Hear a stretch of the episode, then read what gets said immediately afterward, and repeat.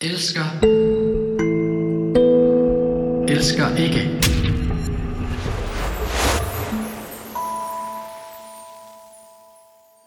Jeg elsker motorcykler. Og jeg har også en gammel motorcykel. Gammel slidt en, rusten en. Men det er ikke så meget det med, øh, om de har krom på, eller om de er fine eller nye. Det er jeg fuldstændig ligeglad med. Jeg har en gammel slidt rusten en, der er over 30, 35 år gammel. Men den giver mig frihed, hver gang jeg starter motoren, sætter mig op på den. Så føler jeg mig virkelig fri. Det er også for det, at jeg sidder ikke inde. Jeg er ikke sådan lukket inde, ligesom en bil eller et tog. Der har man ligesom gjort alt for, at man kan holde vinden ude, suset, dufte. Øh, det er bare væk. Det er ligesom H.C. Andersen, altså når han, når han sagde, at leve er at rejse, så mente han, at han ligesom kørte diligence fra Odense til København, og, hjulene kørte rundt, og han kunne høre småsten blive knust under jernringen på træhjulet. Han kunne se folk, der arbejdede ude i marken og dufte høet. Og så når han kom til Nyborg, så kunne han se de hvide sejl og mærke den saltede vind.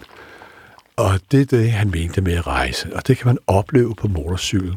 Derfor har jeg altid, når jeg har rejst, også hvis jeg har taget til Brasilien og ikke har haft motorcykel med, så har jeg lejet en, eller i Indien, og rejser på motorcyklen. Og den her med at være en del, og være duft, og være sanselig, og mærke friheden, det er det bedste, jeg ved.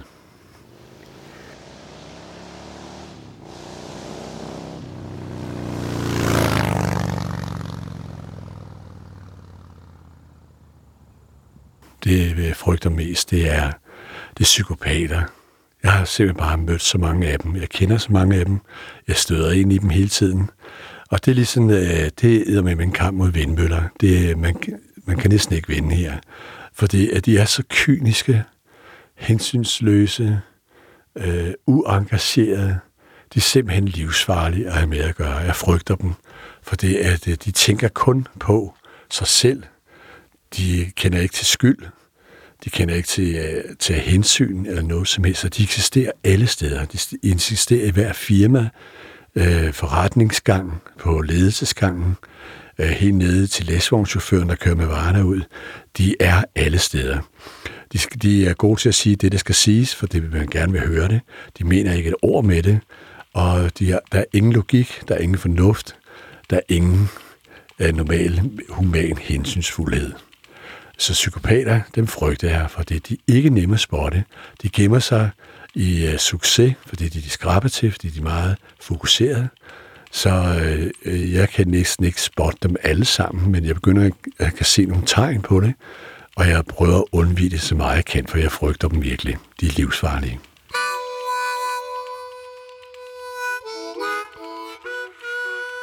Og så elsker jeg min harmonika. Det er en ting, som øh, både har reddet mig fra at være udlandet og miste alle mine penge, så har jeg været inde i en legetøjsbutik. Hvis jeg var helt flad, så har jeg hugget sådan en børneharmonika. Og så kan jeg spille nogle, nogle melodier på den. Og øh, så har jeg altid kunne få nok penge ind til, der var penge nok til et youth hostel, eller en madpakke, eller, eller whatever. Det der, jeg har altid kunne klare mig med en mundharmonika. Man kan altid stille sig op på et hjørne og spille på den. Meget simpelt. Øh, I love it. Jeg frygter småligheden, for det er, hvis jeg sammen med nogen af jer, så finder jeg ud af, at de er smålige, uh, small-minded. Det har jeg det virkelig svært ved, for det er, uh, det er tit, det er sådan, de trækker tingene ned på deres niveau. Hvis man har en diskussion om ligegyldigt hvad, om politik eller kunst eller hvad som helst, jamen så fordi de har den der snæve tankegang, så trækker de det ned et eller andet sted, ned, hvor de kan være, hvor de øh, kan, det er ligesom det niveau, de har, og det er der, de kan dele ud fra, og det er ikke meget.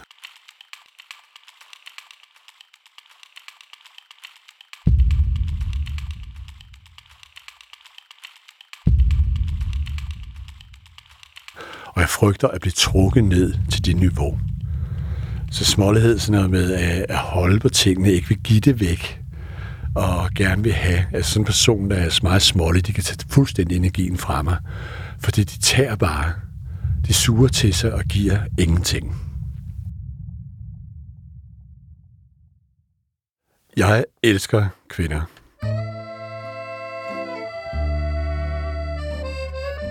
Kvinder, det er det, der får mig til at stå op om morgenen. Det er det, der giver mening med livet. Og det er ligegyldigt, om det er ældre, om det er voksne kvinder. Altså, det, hele det, det væsen og kvindelighed og det, de består af, det, de kommer fra, det er det, der gør, at øh, jeg er fascineret af dem, jeg er inspireret af dem, fordi de er alt det, som jeg ikke selv er. Og jo mere kvinde, feminitet, jo mere de væsen de er, jo mere kan jeg føle mig som mand, og det skaber så min egen identitet, og jeg kan godt lide at være mand. Jeg ved godt, hvad jeg skal og sådan noget, og hvorfor jeg er her. Og det, jeg betragter simpelthen kvinder som gudinder. Og det er jo, altså hvis man kigger rundt, ligegyldigt hvor man sidder, så kan man se, at det er en mand, der har lavet alt. Han har lavet vinduet, lagt det gulv og gjort de her vægge. Og han gør det simpelthen kun for at kunne være sammen med en kvinde. Vi gør ting kun for det. Det er fordi, de er ligesom lys, energi og kærlighed. Og de er det bare. De skal bare stå der. Det skal bare være. Og øh, ved at vi kan være med dem, så bliver vi selv lys, energi og kærlighed. Og det giver mening. Det elsker jeg, og jeg kan ikke få nok af det. Og så elsker jeg pillow talk. Når man har været fysisk øh, sammen, elsket sammen måske. Det kan også bare være, at man har sovet sammen, at man vågner op, man er stadigvæk krop. Man er ikke blevet hjerne endnu, man er ikke blevet hoved. Man ligger bare der, og dynen er varm. Og så ligger man der, og så ligger man med lav stemme, langsom tale, og så ruder vi ind i sådan et univers, hvor det er sjælen, der spiller musikken, hvor vi er til stede. Vi er ikke andre steder her i verden end her i sengen med hovedet på en pude. Og så ligger man og snakker, og det er noget værre pluder, man nogle gange ligger og siger, men Gud, hvor er det visdom. Det elsker jeg. Jeg elsker ikke den her forurening, som især har noget med plastik at gøre. Jeg kan næsten ikke tage det mere. Jeg har lige været på hospitalet, og det er fint nok, der kom jeg ud fra igen, men de der fem dage, jeg skulle ligge der, der, der, der blev jeg bare så dårlig humør. Ikke på grund af at være på hospitalet. Der er jo en grund til, at man er der. Der er folk, der er dygtige, det er folk, der skal blive rask. Nej, det er simpelthen for det, at øh, plastik, øh, det flyder alle vegne, også på et hospital. Plastik er, er pakket ind i plastik, i plastik igen.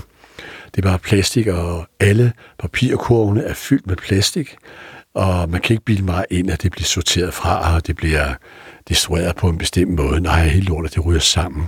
Det er bare sådan en plastikhelvede at haven er fyldt med det, og øh, bare de der små, tynde poser med folk tager på over ved brødsektionen inde i supermarkedet, når de ligger og flyder rundt nede i vandet, så minder de øh, skildpadderne om øh, vandmænd og sådan noget. Og, og det her plastik, det kommer til at ødelægge alt. Så jeg frygter det virkelig, for det, det er frontfiguren i meget af den forurening. Selvfølgelig er der fossil og sådan noget, men det kæmper vi med, og vi prøver at få løsninger på det. Vi prøver faktisk med mange andre ting. Men plastik, det er ligesom, det kan folk ikke slippe. Og så kan man sige, mig som den her alder, ja, hvorfor gjorde du ikke noget ved det, Carsten, dengang du var yngre? Hvorfor er det kun, når du bliver gammel, og du er blevet klog og vise, at øh, du snakker om forurening? Jamen det er fordi, der var helt andre betingelser dengang. Det var slet ikke så forurenet. Man fik franskbrød, det var kun i papir. Man afleverede flasker for at få noget mælk, og det var også i glas. Og øh, alting øh, var sådan, øh, og man øh, holdt sin biler ved lige. Man beholdt en bil i 20 år, men havde ikke det der forbruger smidt væk. Der var ikke noget med det med, at ja, når du har bilen ikke mere, så smider man den væk, og, og ligesom med øh, køleskabet og med opvaskemaskinen og øh, vaskemaskinen. Man havde slet ikke opvaskemaskine med vaske i hånden. Og øh, alle de her ting, det blev faktisk genbrugt. Jeg var en generation, der virkelig genbrugte alting, fordi man pakkede ikke tingene ind i plastik. Det frygter jeg simpelthen, for det der er stadigvæk ikke nogen, der gør noget ved det, så det batter. Og jeg kan kun håbe på, at det kommer, at vi når at gøre noget ved det. Og det er måske ikke lige min levetid, for det at jeg har ikke så mange juleaftener tilbage, som jeg har haft. Men øh, når jeg ser Clara, min kones efternøler på syv år, så kan det skære mit hjerte vil vide, hvad hun skal vokse op til. Og så elsker jeg den her indsigt, der er efter en krise. Vi går igennem mange kriser alle sammen, både med et andet menneske, eller mere praktisk, mere noget med ting at gøre, eller situationer. Det er hulen svært, og det kræver simpelthen, at man bliver kreativ, man bliver initiativ, initiativfuld, og man, øh, man kæmper, man prøver at komme igennem det her, og det kan virke nok så håbløst, men det får øh, øh, det hele i gang, og så får man løst det. Og så bagefter, det, ud over den forløsning, det er, og man genfinder måske sin kærlighed og sin kvinde, så er der også den her indsigt, der ligger. Al indsigt ligger efter krise. Pludselig kan man se det hele klart, og jeg elsker at få den her indsigt at blive få mere viden, blive mere klog og håbfuld, håbfuld lære af det. Det elsker jeg. Hvad jeg også frygter, det er øh, måske en form for at miste kontrol. Det kan være sådan en fysisk være et åbent hav.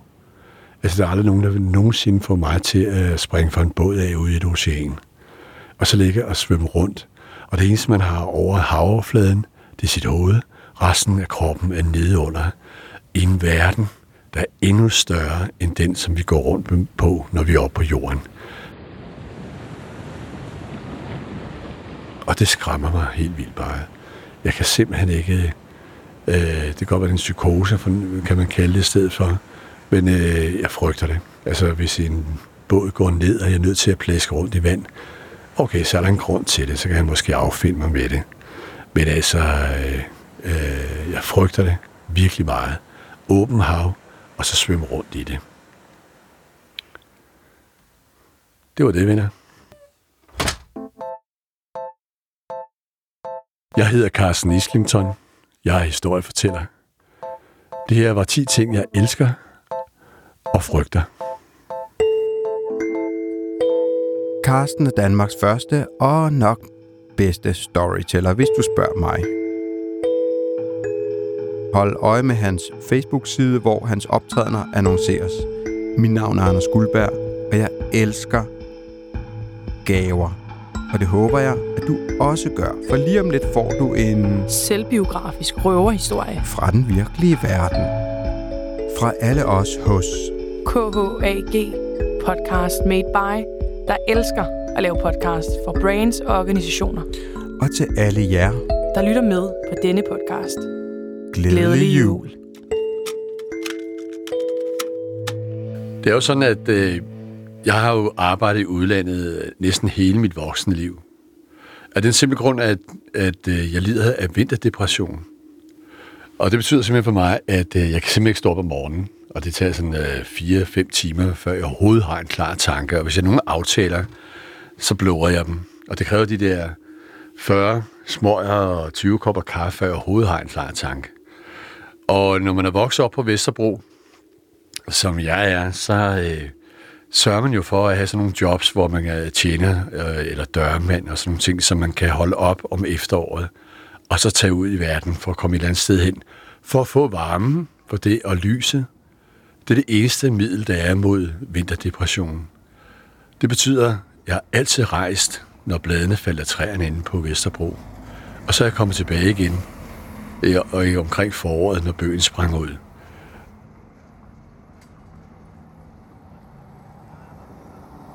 Men altså, når man er opvokset på Vesterbro, så kan man godt komme til at uh, ligesom hænge fast. Uh, især de der små snede værtshuse, der hvor jeg arbejdede. Jeg lagde simpelthen ikke mærke til, at tiden var gået. Og lige pludselig kommer Per, der ejer værtshuset, så siger han, Carsten, det er faktisk ved at være jul. Du er faktisk fri nu. For det øh, er dengang, øh, jeg var ung, der havde alle værtshusene lukket.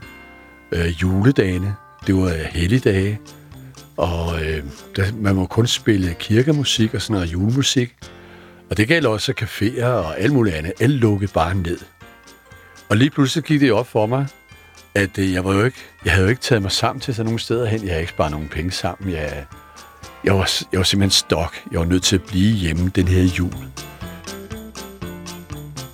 Og jeg har aldrig været vild med jul og nytår, for det jul det er sådan noget hyggeligt noget, og jeg har altid betragtet det. Og nytår, det er sådan en kollektiv sindssyge, så jeg har altid sørget for at være væk.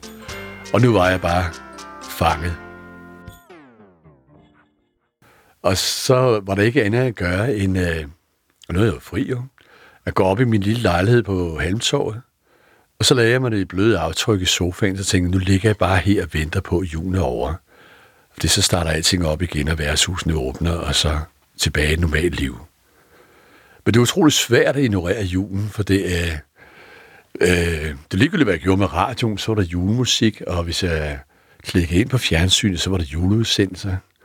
Så jeg, til ende med at ligge sådan med tæppet op over næsen, så lå jeg bare og tænkte, det bliver hårdt det her. Især om eftermiddagen, fordi der var alle møderne, hele opgangen i gang med familiejournalens julebæreopskrifter, så der duftede af kleiner og småkager. Og ved sekstiden, der gav jeg op. For det, lige, det har jeg aldrig tænkt på før. Lige uden for mit vindue ud mod Handtorvet, der var der trukket en kæmpe stor stålvejer tværs over. Og der hang sådan nogle plastikting med øh, kirkeklokker og kaner, og lige ud for mit vindue var der et kæmpe stort rødt hjerte. Og der var underkøbet en løs forbindelse, sådan en stor blink af sådan en rødt lys inde i dagligstuen, og så kunne jeg simpelthen ikke holde ud at være hjemme. Og så tænkte jeg, jamen, så går jeg ud på Vesterbro, for det Vesterbro er kendt for at ikke at jule så meget, så jeg kan måske finde et eller andet sted, hvor jeg kan være. Og så kom jeg ned på gaden, og der var heller ikke så meget jul. Der var lidt. Jo, henne i Yrsas porterforretning, der lå dildoerne med græn om og sådan noget, men det var næsten det eneste. Der var også en fyr, der stod og prøvede at pushe nogle juletræer, der stjålet ned på Inghave Plads.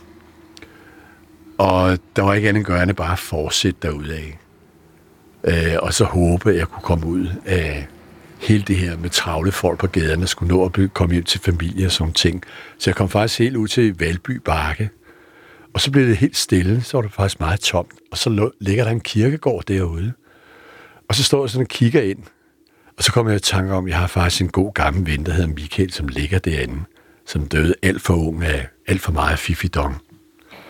Og så nu, så går jeg ind og hilser på ham. Og det var også utroligt smukt at komme ind på kirkegården, for det, der var sneen ikke kørt sådan i brun sæbe. Sådan brun, det var helt hvidt og, og skønt at kigge på. Og så gik jeg sådan rundt, og nu ved jeg ikke, hvor Michael ligger. Så, men jeg tænkte, jeg ved, at hans gamle mor kommer altid besøge ham på hans fødselsdag, og så selve juleaftensdag, og det var det faktisk den her dag. Så jeg kunne sikkert møde gamle fru Berlsen derinde, og så få en sludder med hende. Men øh, der var ikke nogen derinde. Så jeg besluttede mig for at øh, skrå skråt over, og så komme ud af en af sideindgangene. Og så så jeg tilfældigvis Michaels krav. Så kunne jeg se, at der var sådan nogle små fodspor i sneen, og nogle af strøget sneen af gravstenen. Så hun havde været der. Så jeg okay, så skal det være, jeg møder i næste år. Så jeg fortsatte bare ud af sidengangen, fortsatte langs muren, og så kom jeg faktisk forbi det her lille værtshus, hvor jeg var tjener. Og det lå sådan mørkt med sne født op af vinduerne. Og så kom jeg pludselig i tanke om, jeg har jo nøglen, og jeg kan koden til øh, døren. Så jeg tænkte, der går jeg da bare ned, så jeg lukker mig ind. Og så tændte jeg ikke lyset, for det, det var nu, hvor det ulovligt, at der var åben juleaften. Så jeg gik op i baren, og så satte jeg mig sådan, at man ikke kan se mig fra vinduet af. Og så tog jeg en god flaske bourbon ned, og så sad jeg faktisk og hyggede mig helt vildt. Så sad jeg der for mig selv og drak øh, bourbon, og så fandt jeg noget din Martin-musik på en gammel transistorradio.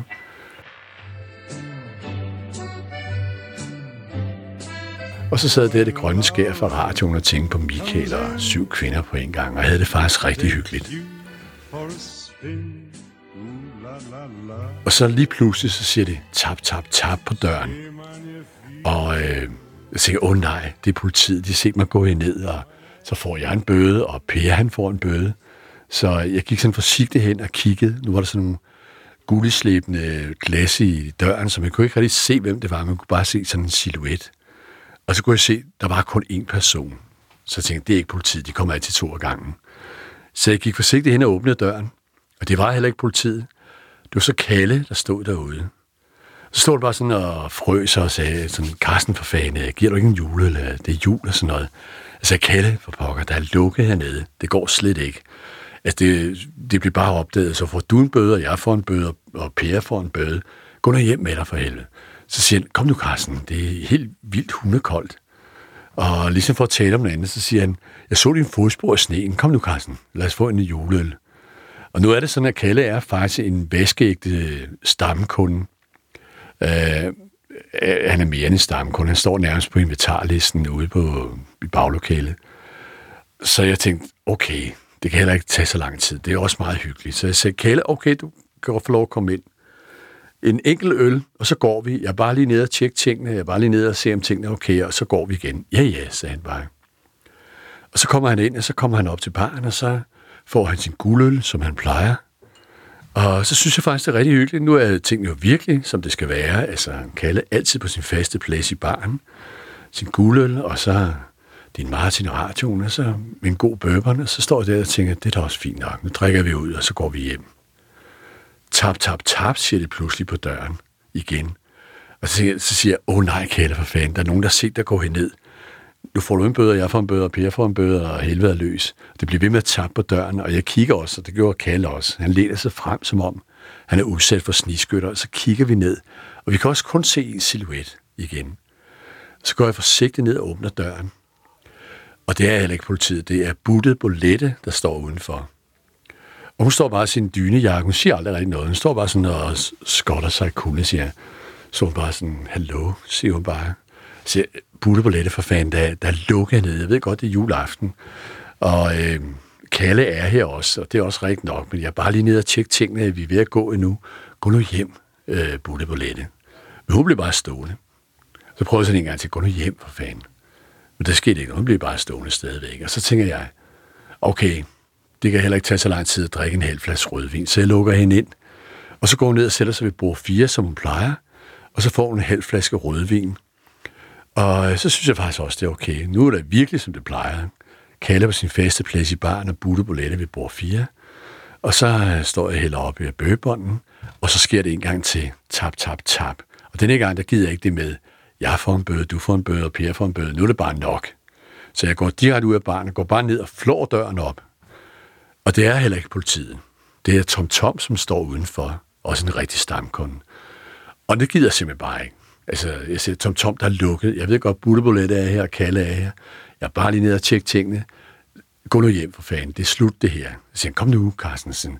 Så nej, det gider simpelthen ikke, for det er Tom Tom, han er faktisk han kan være meget underholdende, men han kan også være vildt provokerende.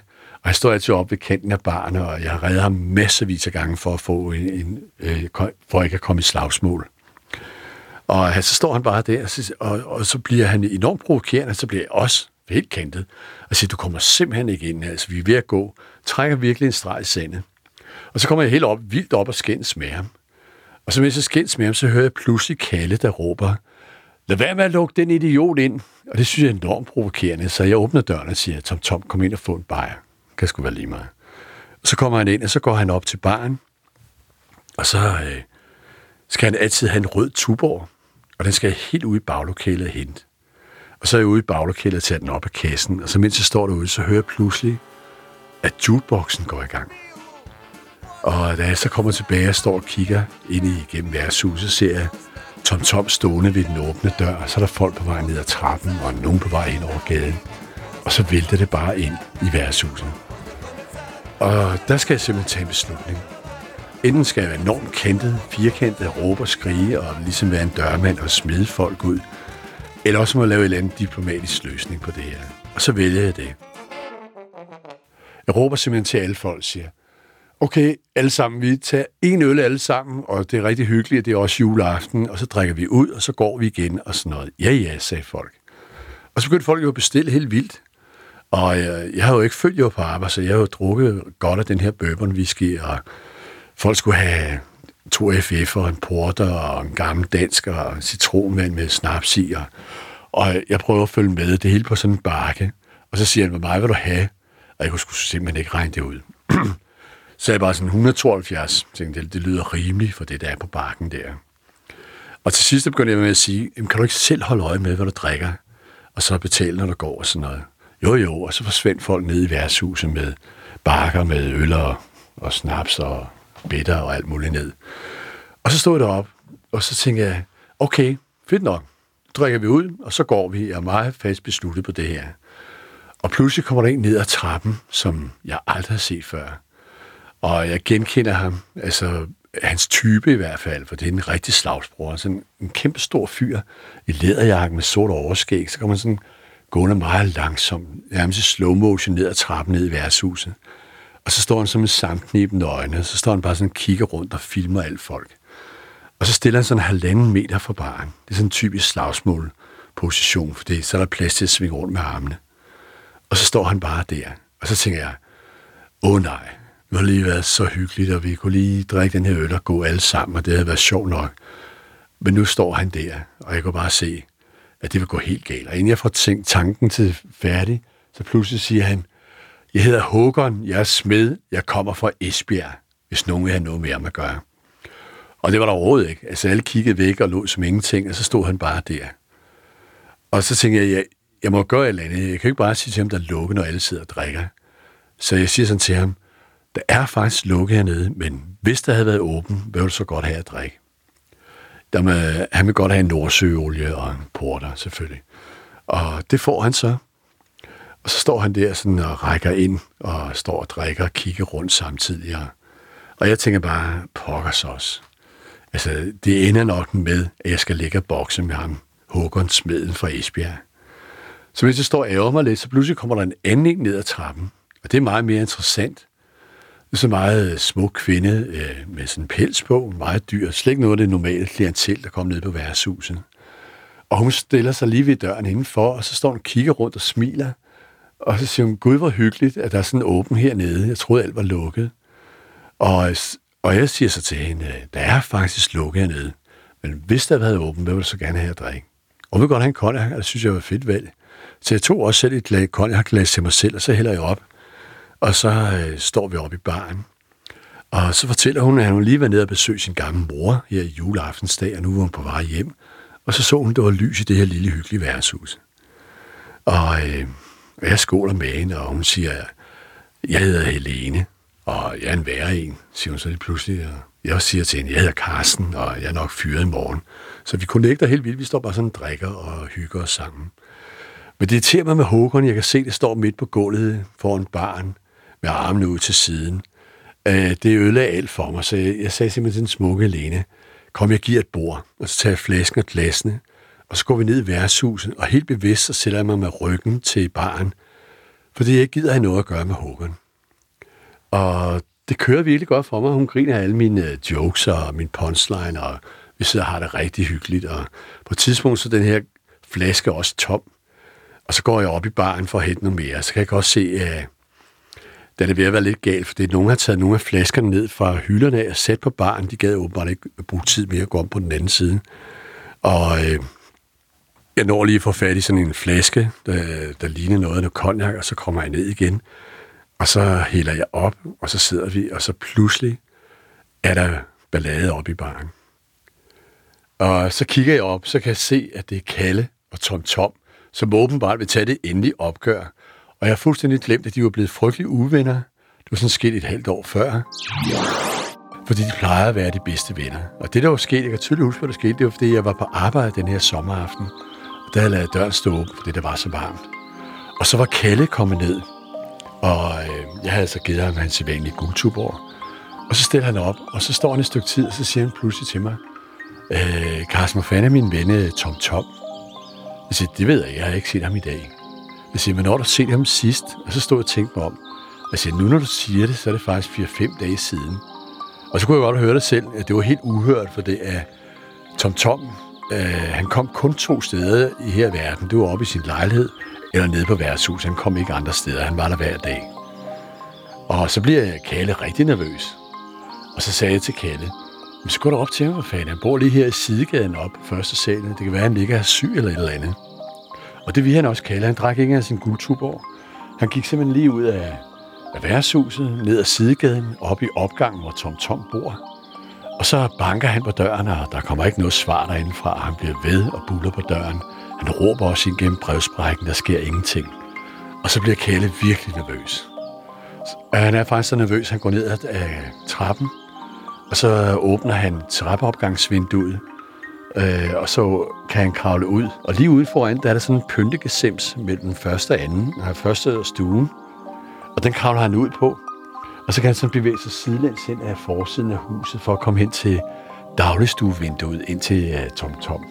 Og så kan han sådan læne sig frem sådan at banke på ruden, for det nu vil han have fat i sin gamle ven.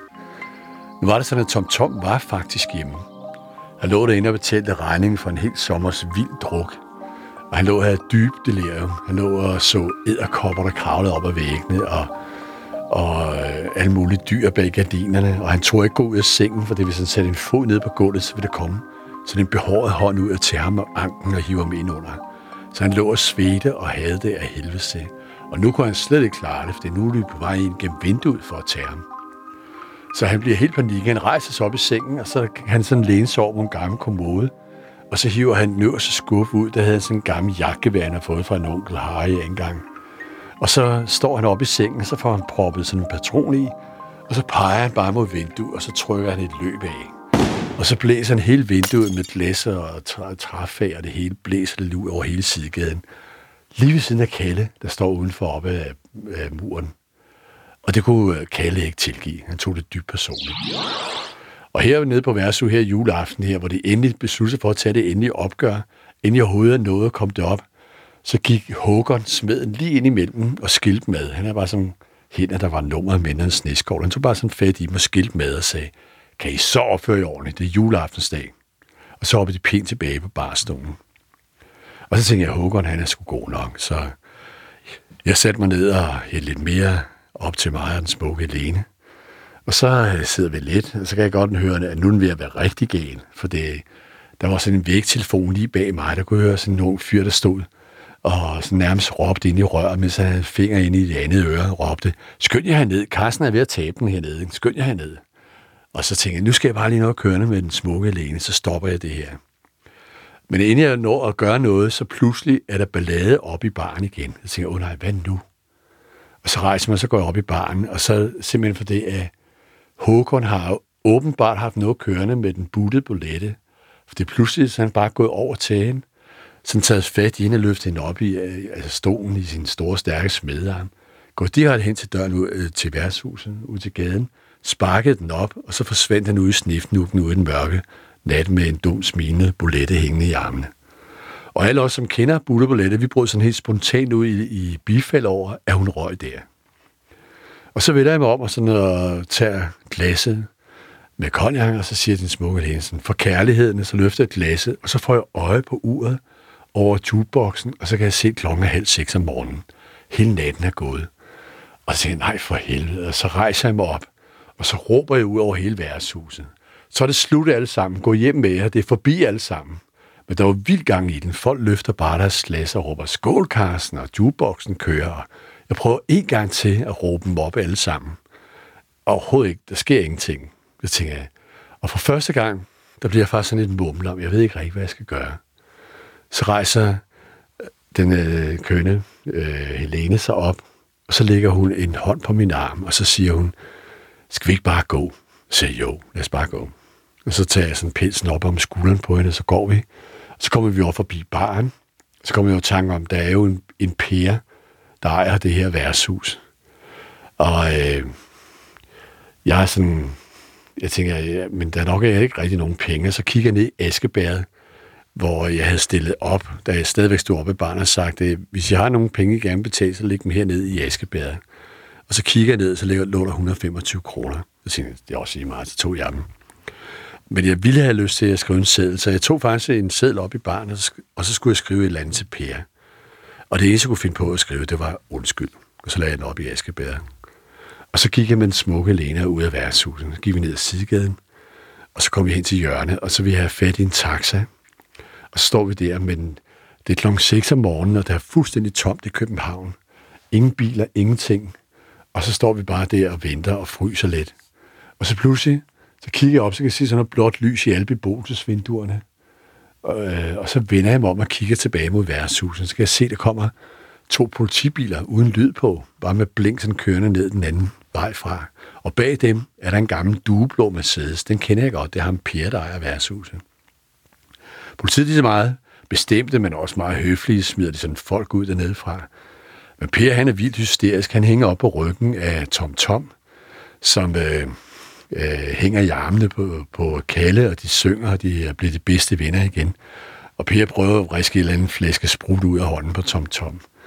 Men samtidig for mig, så kommer der faktisk en taxa. Så får jeg sådan en vinke til den. Og så kommer den ind til siden. Og så åbner jeg bagdøren, og først der går det op for mig, at den smukke Lena har fået alt for meget at drikke. For den står sådan bare og holder fast i døren, og jeg kan se, at hun vil sige et eller andet, og jeg vender sådan tålmodigt på det. Og pludselig så siger hun, Carsten, jeg har en mand derhjemme. Og så falder hun baglæns ind i taxaen. Og så tænkte det skulle også lige meget. Så får jeg sådan fødderne ind og pelsen ind og smække bagdøren. Og så åbner jeg fordøren ind til taxichaufføren, og så smider de der 125 kroner på forsædet, og så spørger jeg ham, om det ikke er nok til at køre hjem til Esbjerg, hvor hun bor. Og så kører taxaen og forsvinder ud af sporet, og forsvinder ned af Istegade, og så gik jeg hjem til min tomme lejlighed. Det er faktisk en sand historie.